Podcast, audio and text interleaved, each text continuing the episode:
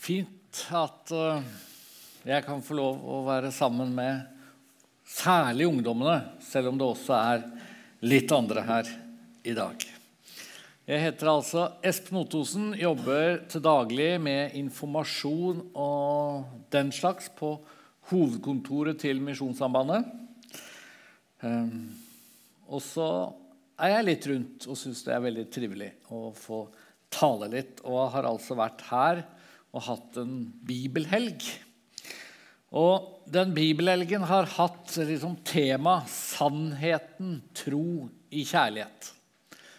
Det er et sitat fra Efeserbrevet, hvor Paulus skriver altså at vi som er kristne, vi skal være tro mot sannheten, og vi skal være det i kjærlighet. Og så har jeg prøvd å si litt i går om hva betyr det i vår tid å være tro mot sannheten. Hva er det ved den kristne sannheten? Budskapet om Jesus, budskapet vi finner i Bibelen. Hva er det ved det som det kan være krevende, utfordrende i vår tid å være tro mot? Og hvordan kan vi være tro i kjærlighet? Også for, fordi jeg visste at det kommer en del her i kveld som ikke hørte noe av det som eh, skjedde i går kveld, så tenkte jeg nå må jeg ha et tema hvor vi kan på en måte starte litt på null. Eh, hvor du kan få noe ut av andakten nå, selv om du ikke var her i går. Men samtidig at eh, temaet kan henge litt sammen. Og nå ser dere det står på skjermen. Jeg har rett og slett tenkt å holde en temaandakt tror jeg jeg kan kalle det.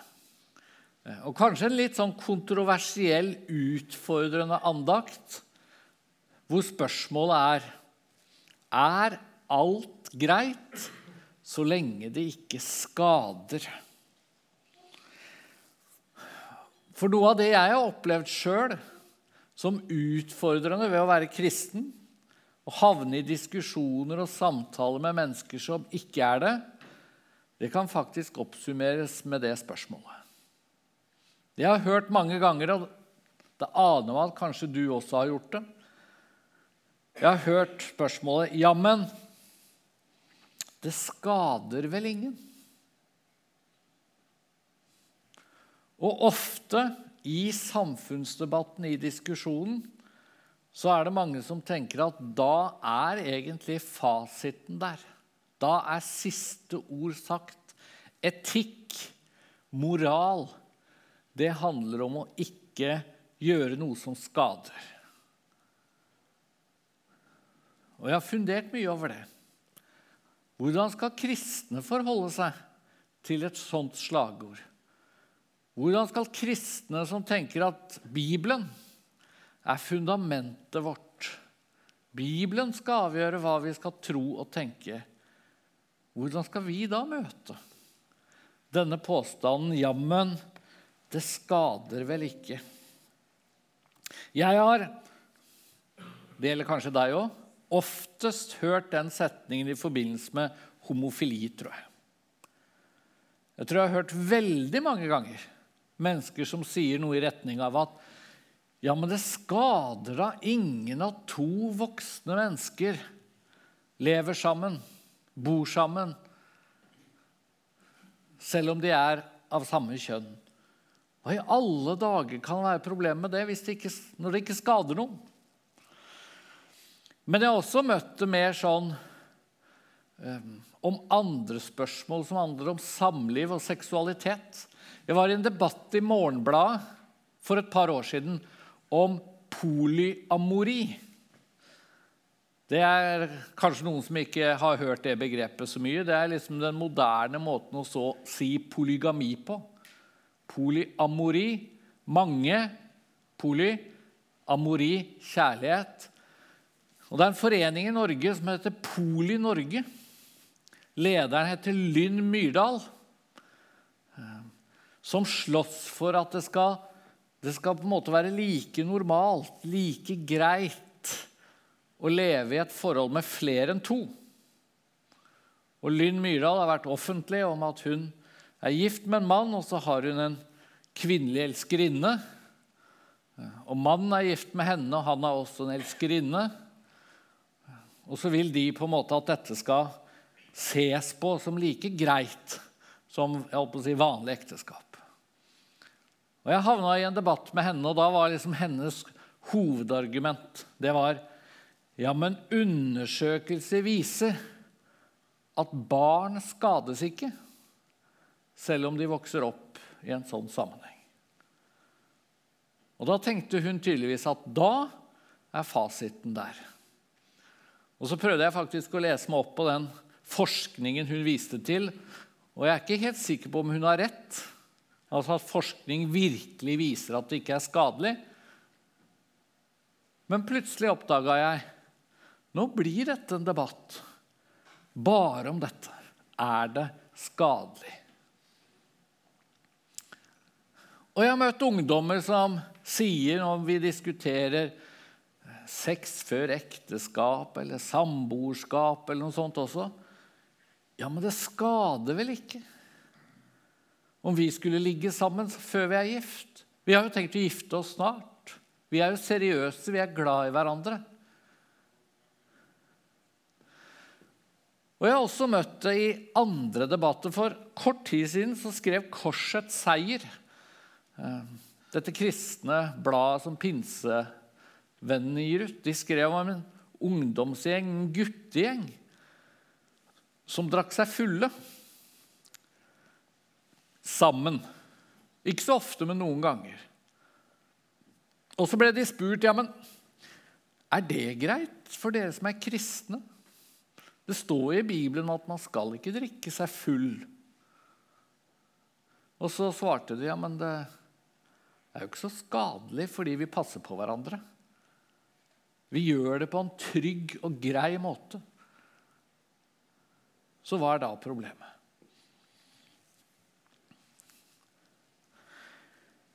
Jeg tror mange kristne, og jeg er nok selv en av de òg, som kommer liksom på defensiven og blir litt usikker når jeg møter dette argumentet.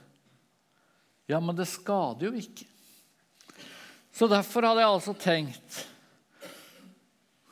å si noen ting om hva, hvordan svare ut ifra kristen tenkning på det argumentet.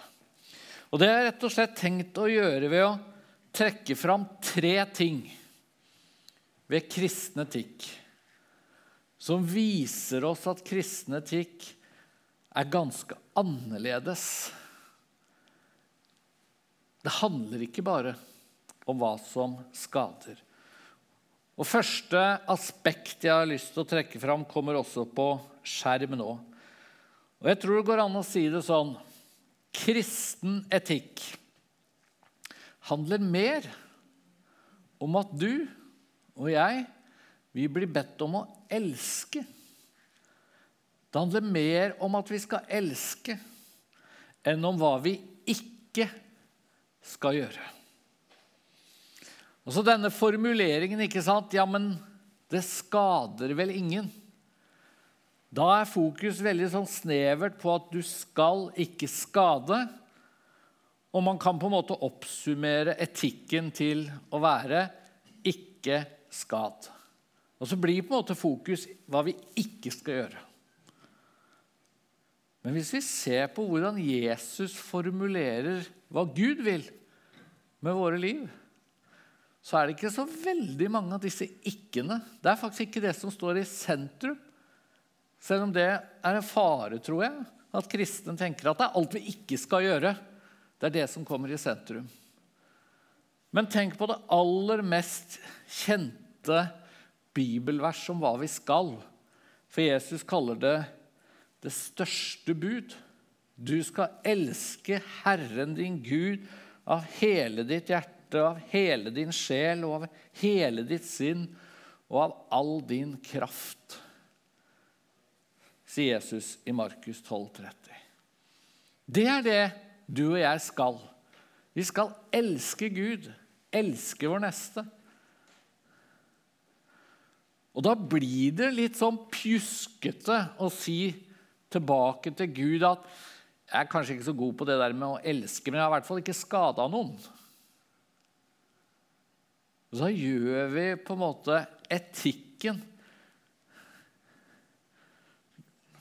mye mindre radikal, mye mindre utfordrende. Hvis vi på en måte tror at vi kan slippe unna med å tenke at 'jeg har gjort ting riktig, for jeg har ikke skada noen'.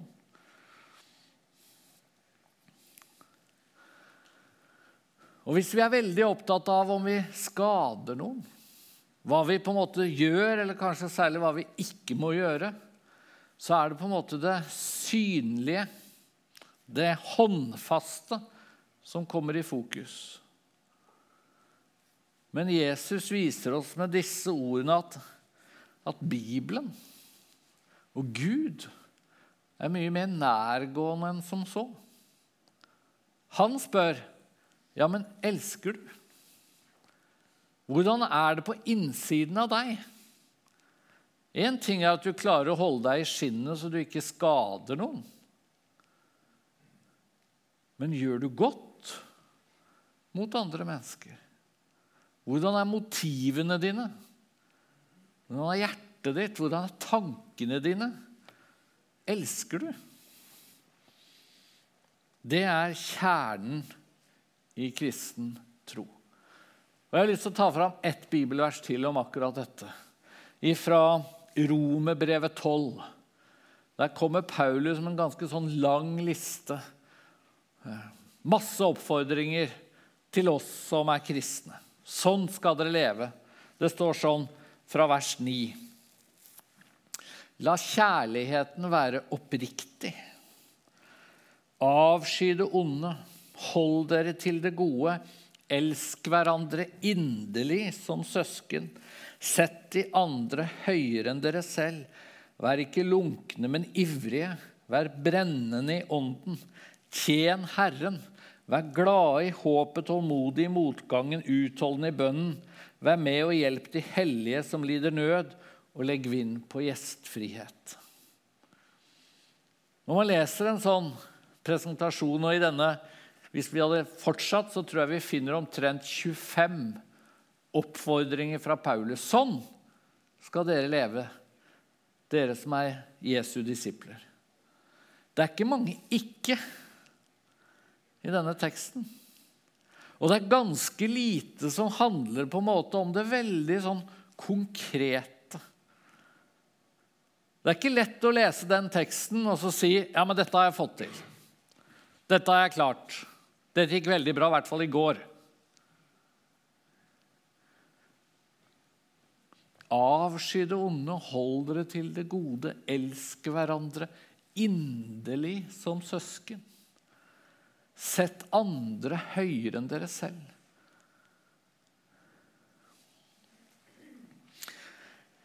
Og mitt poeng er ikke at liksom kardemommeloven Du skal være du skal ikke plage andre, du skal være snill og grei, og for øvrig kan du gjøre hva du vil. Omtrent sånn. Mitt poeng er ikke at, at den på en måte er helt feil. Tror det er veldig bra at du ikke plager andre. Jeg tror det er veldig bra at du er snill og grei. Men den standarden vi møter i Bibelen, er på en måte mye mer radikal, mye mer omfattende. Og derfor, når noen sier til deg 'jammen', det skader vel ingen, så tror jeg du kan svare tilbake som kristen ja, men det er jo bare et lite aspekt ved kristen etikk. At det ikke er synlig skadelig. Spørsmålet er elsker jeg Gud og mine medmennesker hvis jeg gjør sånn eller sånn. Neste punkt Jeg har altså tre. Og Dette er kanskje det mest kontroversielle på et vis. Men jeg tror det går an å si det sånn at kristen etikk handler også om å leve som vi er skapt. Og Det betyr at det er noe helt spesifikt, noe helt spesielt noe helt særegent ved kristen etikk. Som vi egentlig ikke kan forvente at mennesker som ikke tror, liksom griper tak i. Fordi som kristne så, så er liksom det helt fundamentale det er at vi er skapt av Gud. Vi er skapt, verden er skapt, ja, alt er skapt av Gud. Og det får betydning for hvordan vi skal tenke om rett og galt. Og det viser Jesus i Matteus 19 Ja, det er mange steder, men jeg tar fram dette. Matteus 19 fra vers 4. Der får Jesus et veldig sånn enkelt ja-nei-spørsmål. Er det greit med skilsmisse? Det er spørsmålet. Og Da svarer Jesus egentlig litt sånn overraskende på det, for dette er det han svarer. Har dere ikke lest at Skaperen fra begynnelsen av skapte dem til mann og kvinne og sa Derfor skal mannen forlate far og mor og holde fast ved sin kvinne, og de to skal være én kropp. Så er de ikke lenger to, de er én kropp, og det som Gud har sammenføyd, skal mennesker ikke skille. Når Jesus altså får spørsmålet skilsmisse er det greit? Hva skal vi tenke om det?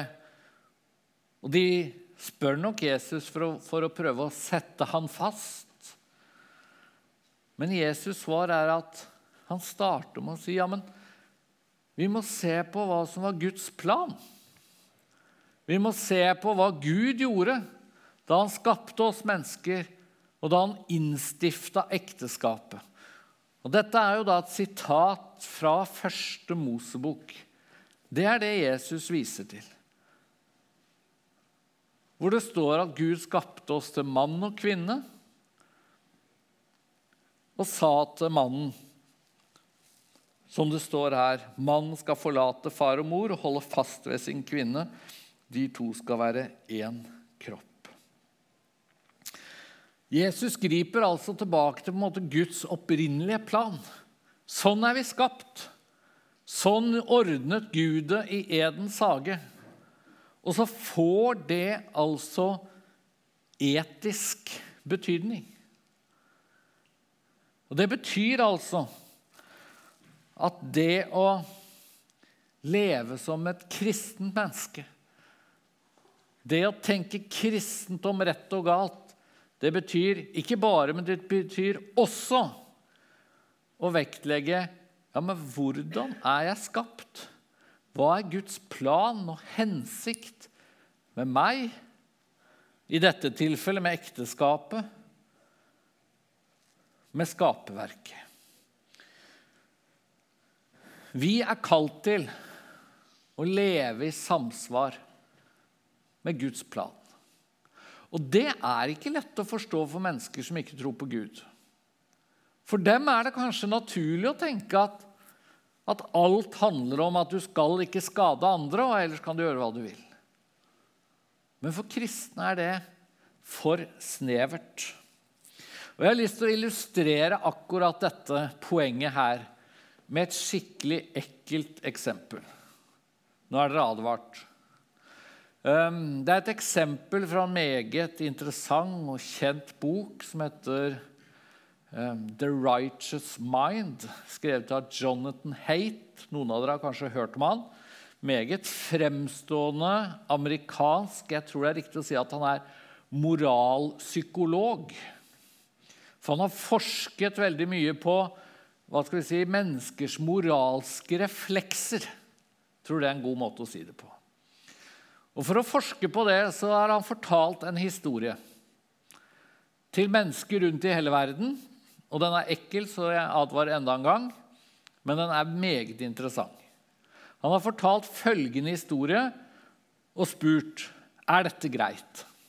Og Historien er sånn En mann går inn på et supermarked. Han kjøper en frossen kylling. Han drar hjem han har sex med den frosne kyllingen. Og etter det så eh, koker den, kyllingen, steker den og spiser den. Og så ble altså mennesker rundt i verden spurt er det greit at denne mannen har sex med en død kylling. Ekkelt, ikke sant? Og Poenget med denne fortellingen er at Jonathan Haight ville altså sjekke hva slags moralske reflekser folk hadde, eller instinkter. Og så fant han ut at i det sekulære USA i den delen av USA hvor få går til kirke, og få er kristne og få tror på Gud, så var det likevel sånn at veldig mange sa det der er ikke greit. Ikke greit. Og så ble de intervjua. Ja, men hvorfor er det ikke greit? Det skader jo ingen. Og så viser Jonathan Haight at når sekulære, ikke-kristne amerikanere blir intervjua, så aner de ikke hva de skal si i møte med argumentet 'det skader jo ingen'. Så det viser seg at folk går litt sånn fantasifullt i gang og sier ja, men Tenk hvis noen ser det. Vi kan jo få skade på sjel og sinn. Det kan jo hende.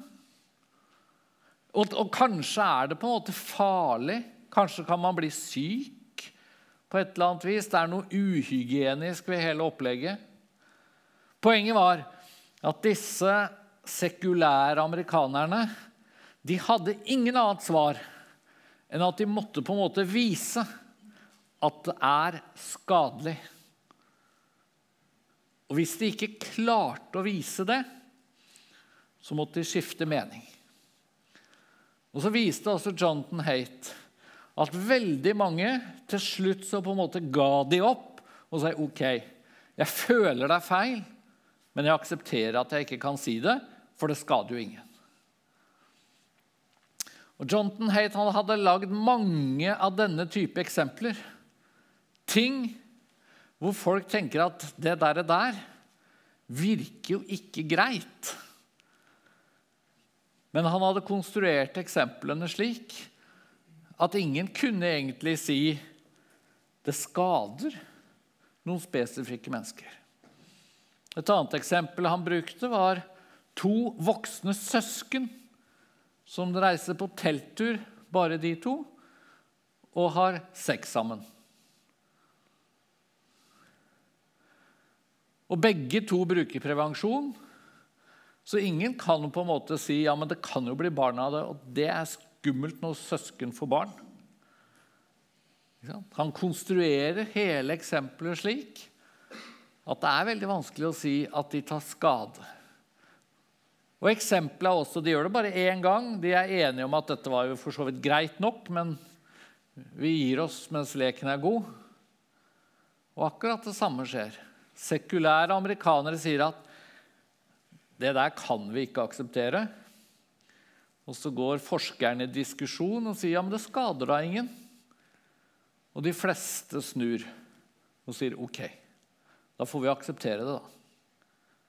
For etikk for en sekulær, moderne amerikaner, det handler om å ikke gjøre det som skader, og alt annet er greit. Og så håper jeg du skjønner at som kristen så har du et annet svar. Et tilleggssvar, et tilleggsaspekt. For at vi kan vurdere ja, men hva var Guds hensikt og plan med seksualiteten? Hvordan er vi skapt for å ære Gud, tjene Han og tjene våre medmennesker? Også når temaet er seksualitet. Var Guds plan at menn som ikke hadde så mange andre alternativer, skulle ha sex med døde kyllinger? Veldig vanskelig å, se at det fins mye holdepunkter for det i Bibelen. for å si det på den måten. Som kristen så tenker jeg det er ganske enkelt å si at nei, det, ikke, det var ikke dette som var Guds plan.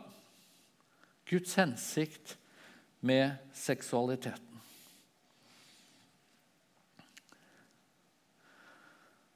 Og uten på noe vis å sammenligne disse eksemplene til Jonathan Haight med homofili, så er det også det svaret jeg oftest får når jeg har snakka med kristne, homofile mennesker som mener det er galt å gå inn i et homofilt forhold.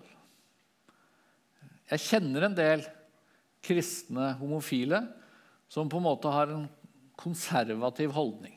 Jeg har skrevet en bok ligger faktisk ute på et bord der, med ni, ni historier med kristne homofile.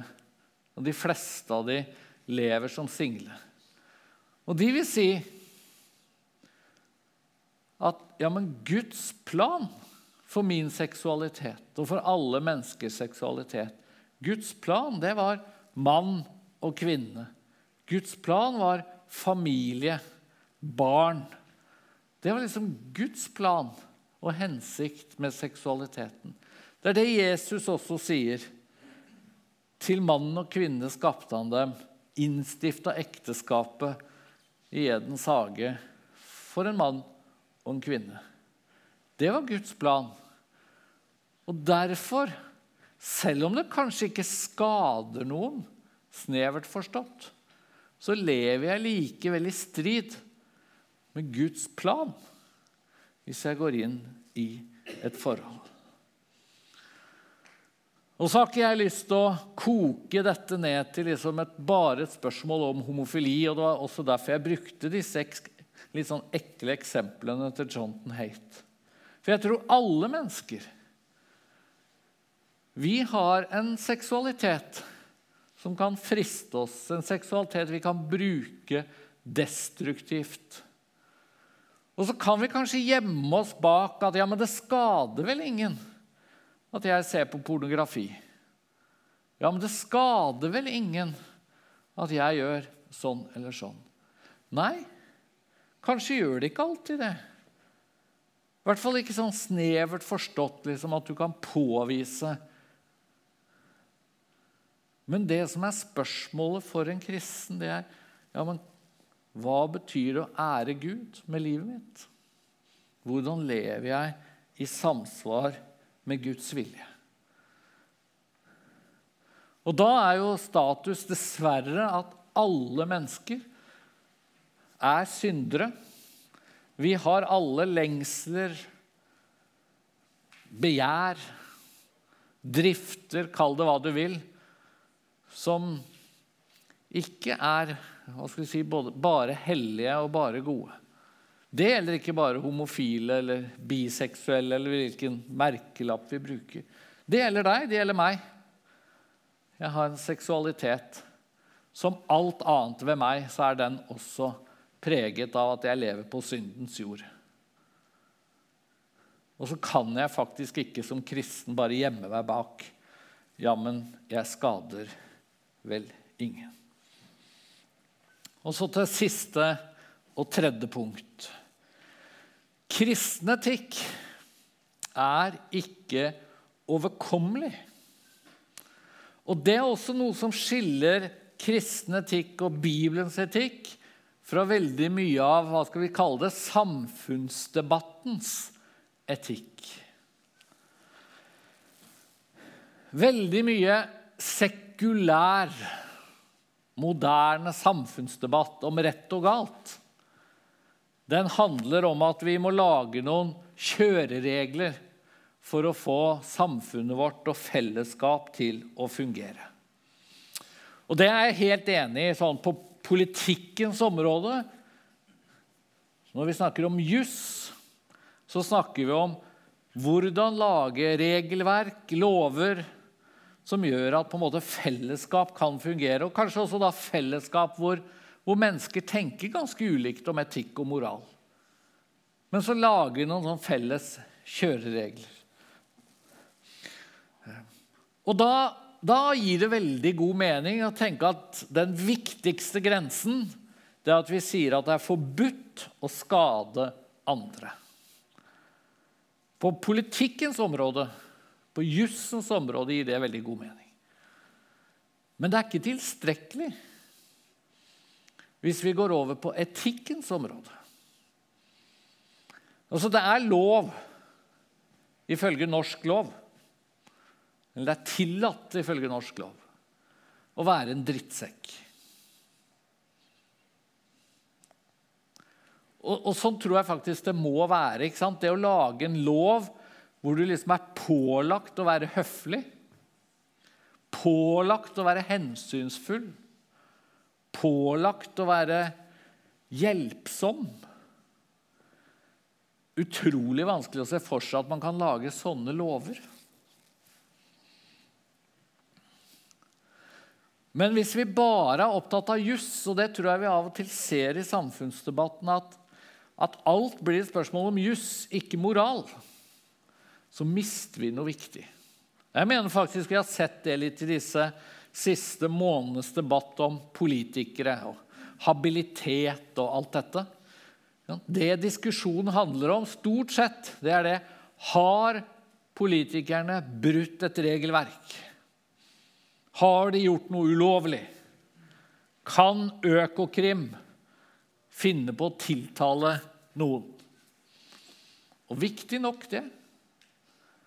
Men det er jo litt stusslig at ikke liksom spørsmålet er ja, men har den eller den politikerne politikeren vist fram god moral, god dømmekraft. Vist seg som en person vi kan stole på. Det blir litt borte. Alt blir til juss. Eller veldig mye, i hvert fall, til juss. Men hvis vi legger jussen til side og sier at den er viktig nok, men nå snakker vi om etikk Da er det viktig å være klar over at Gud han er ikke først og fremst opptatt av om du gjør noe som myndighetene vil straffe. Gud er opptatt av at du elsker han og elsker de neste, for å bygge en liten bro til det jeg sa aller først. Og når Jesus presenterer på en måte Guds bud, så ser vi at, at de blir presentert som helt uoverkommelige. Jeg skal lese én tekst om dette også før jeg går inn for landing. Det er Matteus 5, bergprekenen hvor Jesus sier fra vers 44.: Men jeg sier dere, elsk deres fiender, velsign dem som forbanner dere, gjør godt mot dem som hater dere, og be for dem som mishandler dere og forfølger dere. Og Jeg har bare lyst til å skyte inn før jeg leser videre. Det sier seg selv ikke sant, at du kan ikke sette noe sånt inn i norsk lov. Hvordan skal vi forholde oss til fiendene våre? Jo, norsk lov sier at du får ikke lov å skade dem. Men Jesus går jo så utrolig mye lenger. Vi skal elske våre fiender. Velsigne dem som forbanner oss. Gjøre godt mot dem som hater oss. Be for dem som mishandler og forfølger. Utrolig radikale ord. Og så forklarer Jesus det altså med slik kan dere være barn av deres far i himmelen. For han lar sin sol gå opp over onde og gode og lar det regne over rettferdige og urettferdige. Om dere elsker dem som elsker dere, er det noe lønne dere for? Gjør ikke tollerne det samme? Om dere hilser vennlig på deres egne, er det noe storartet? Gjør ikke hedningene det samme? Vær da fullkomne slik deres himmelske Far er fullkommen. Der er standarden til Gud. Vær fullkommen, for du skal ligne på Gud. Og da skal du elske alle. Og det å elske de som elsker dere, sier Jesus, er det noe storarta? Nei, det er jo ikke det. Det er det mest opplagte instinktet vi har, det. At har vi en venn De fleste av dere sitter vel ved siden av noen venner. Så veit vi det at det å, å være grei mot en venn, det lønner seg jo. For da, får, da opplever du antagelig at den vennen er en god venn. og det blir gjensidighet. Gjør du en tjeneste for en venn, får du antagelig den tjenesten igjen. Og Derfor sier Jesus at selv tollere, selv de som på Jesu tid var kjent for å ha mest frynsete moral, de var jo ikke dumme. De skjønte jo det at det å holde seg inne med å være greie og høflige og hyggelige mot andre tollere, mot vennene deres, det var jo smart. Veldig mye moral er jo egentlig egoisme. Av og til gjør du kanskje noe godt eller noe hyggelig mot noen rett og slett bare for å få et smil tilbake. For det er jo trivelig. Men Jesus setter altså en helt annen standard i denne teksten og mange andre tekster. Vær da fullkomne slik deres himmelske Far er fullkommen. Og så tror jeg at sekulære mennesker, mennesker som ikke tror på Gud, de kan heller ikke forholde seg til dette. Og veldig mange av dem vil si at ja, men sånne krav, sånne forventninger, sånne bud i Bibelen, det skaper jo bare mismodighet. Det skaper jo bare skam og skyld. For vi får jo ikke til dette. Hvem klarer å være fullkommen?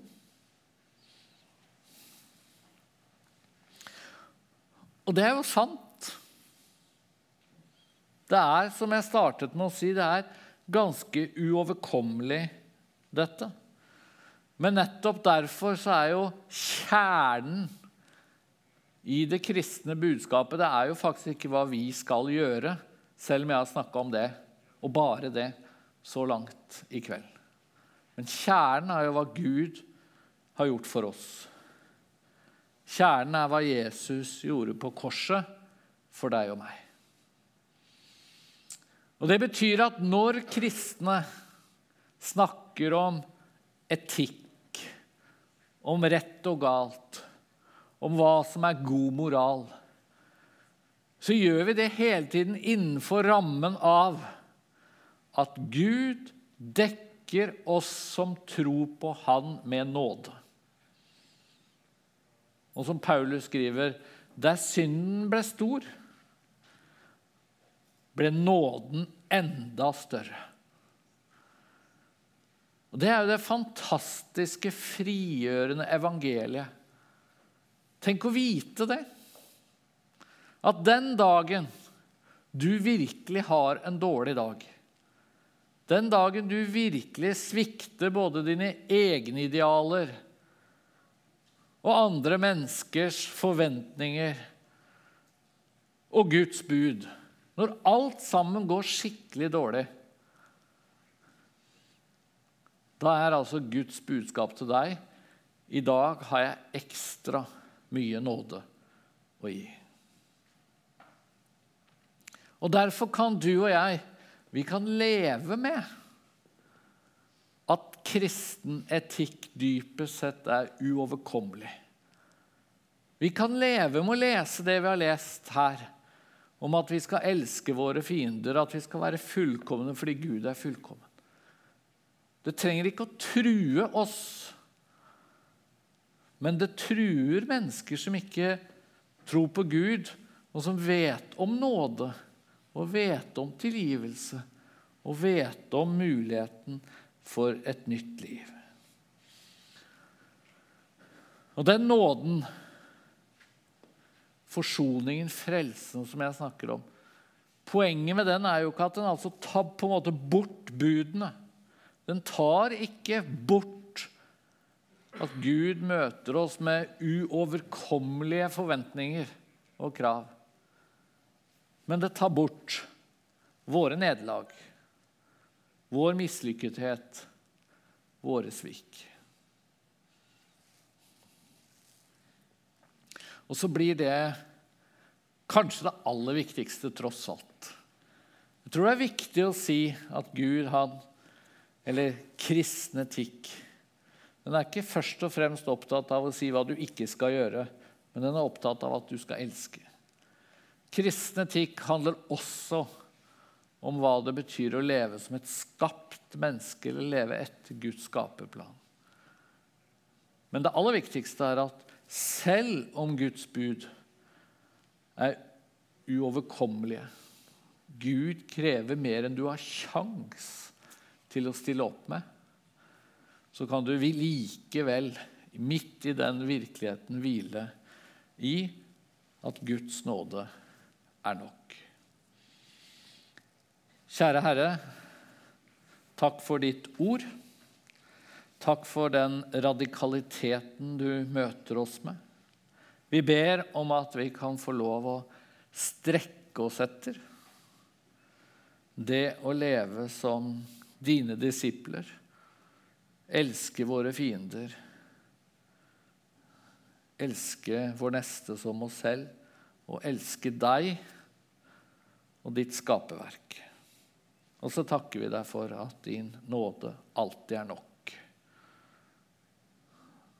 Og at vi trenger ikke å bli nedtrykt og kjenne bare på skam og skyld for din nåde, den er ny hver morgen. Amen.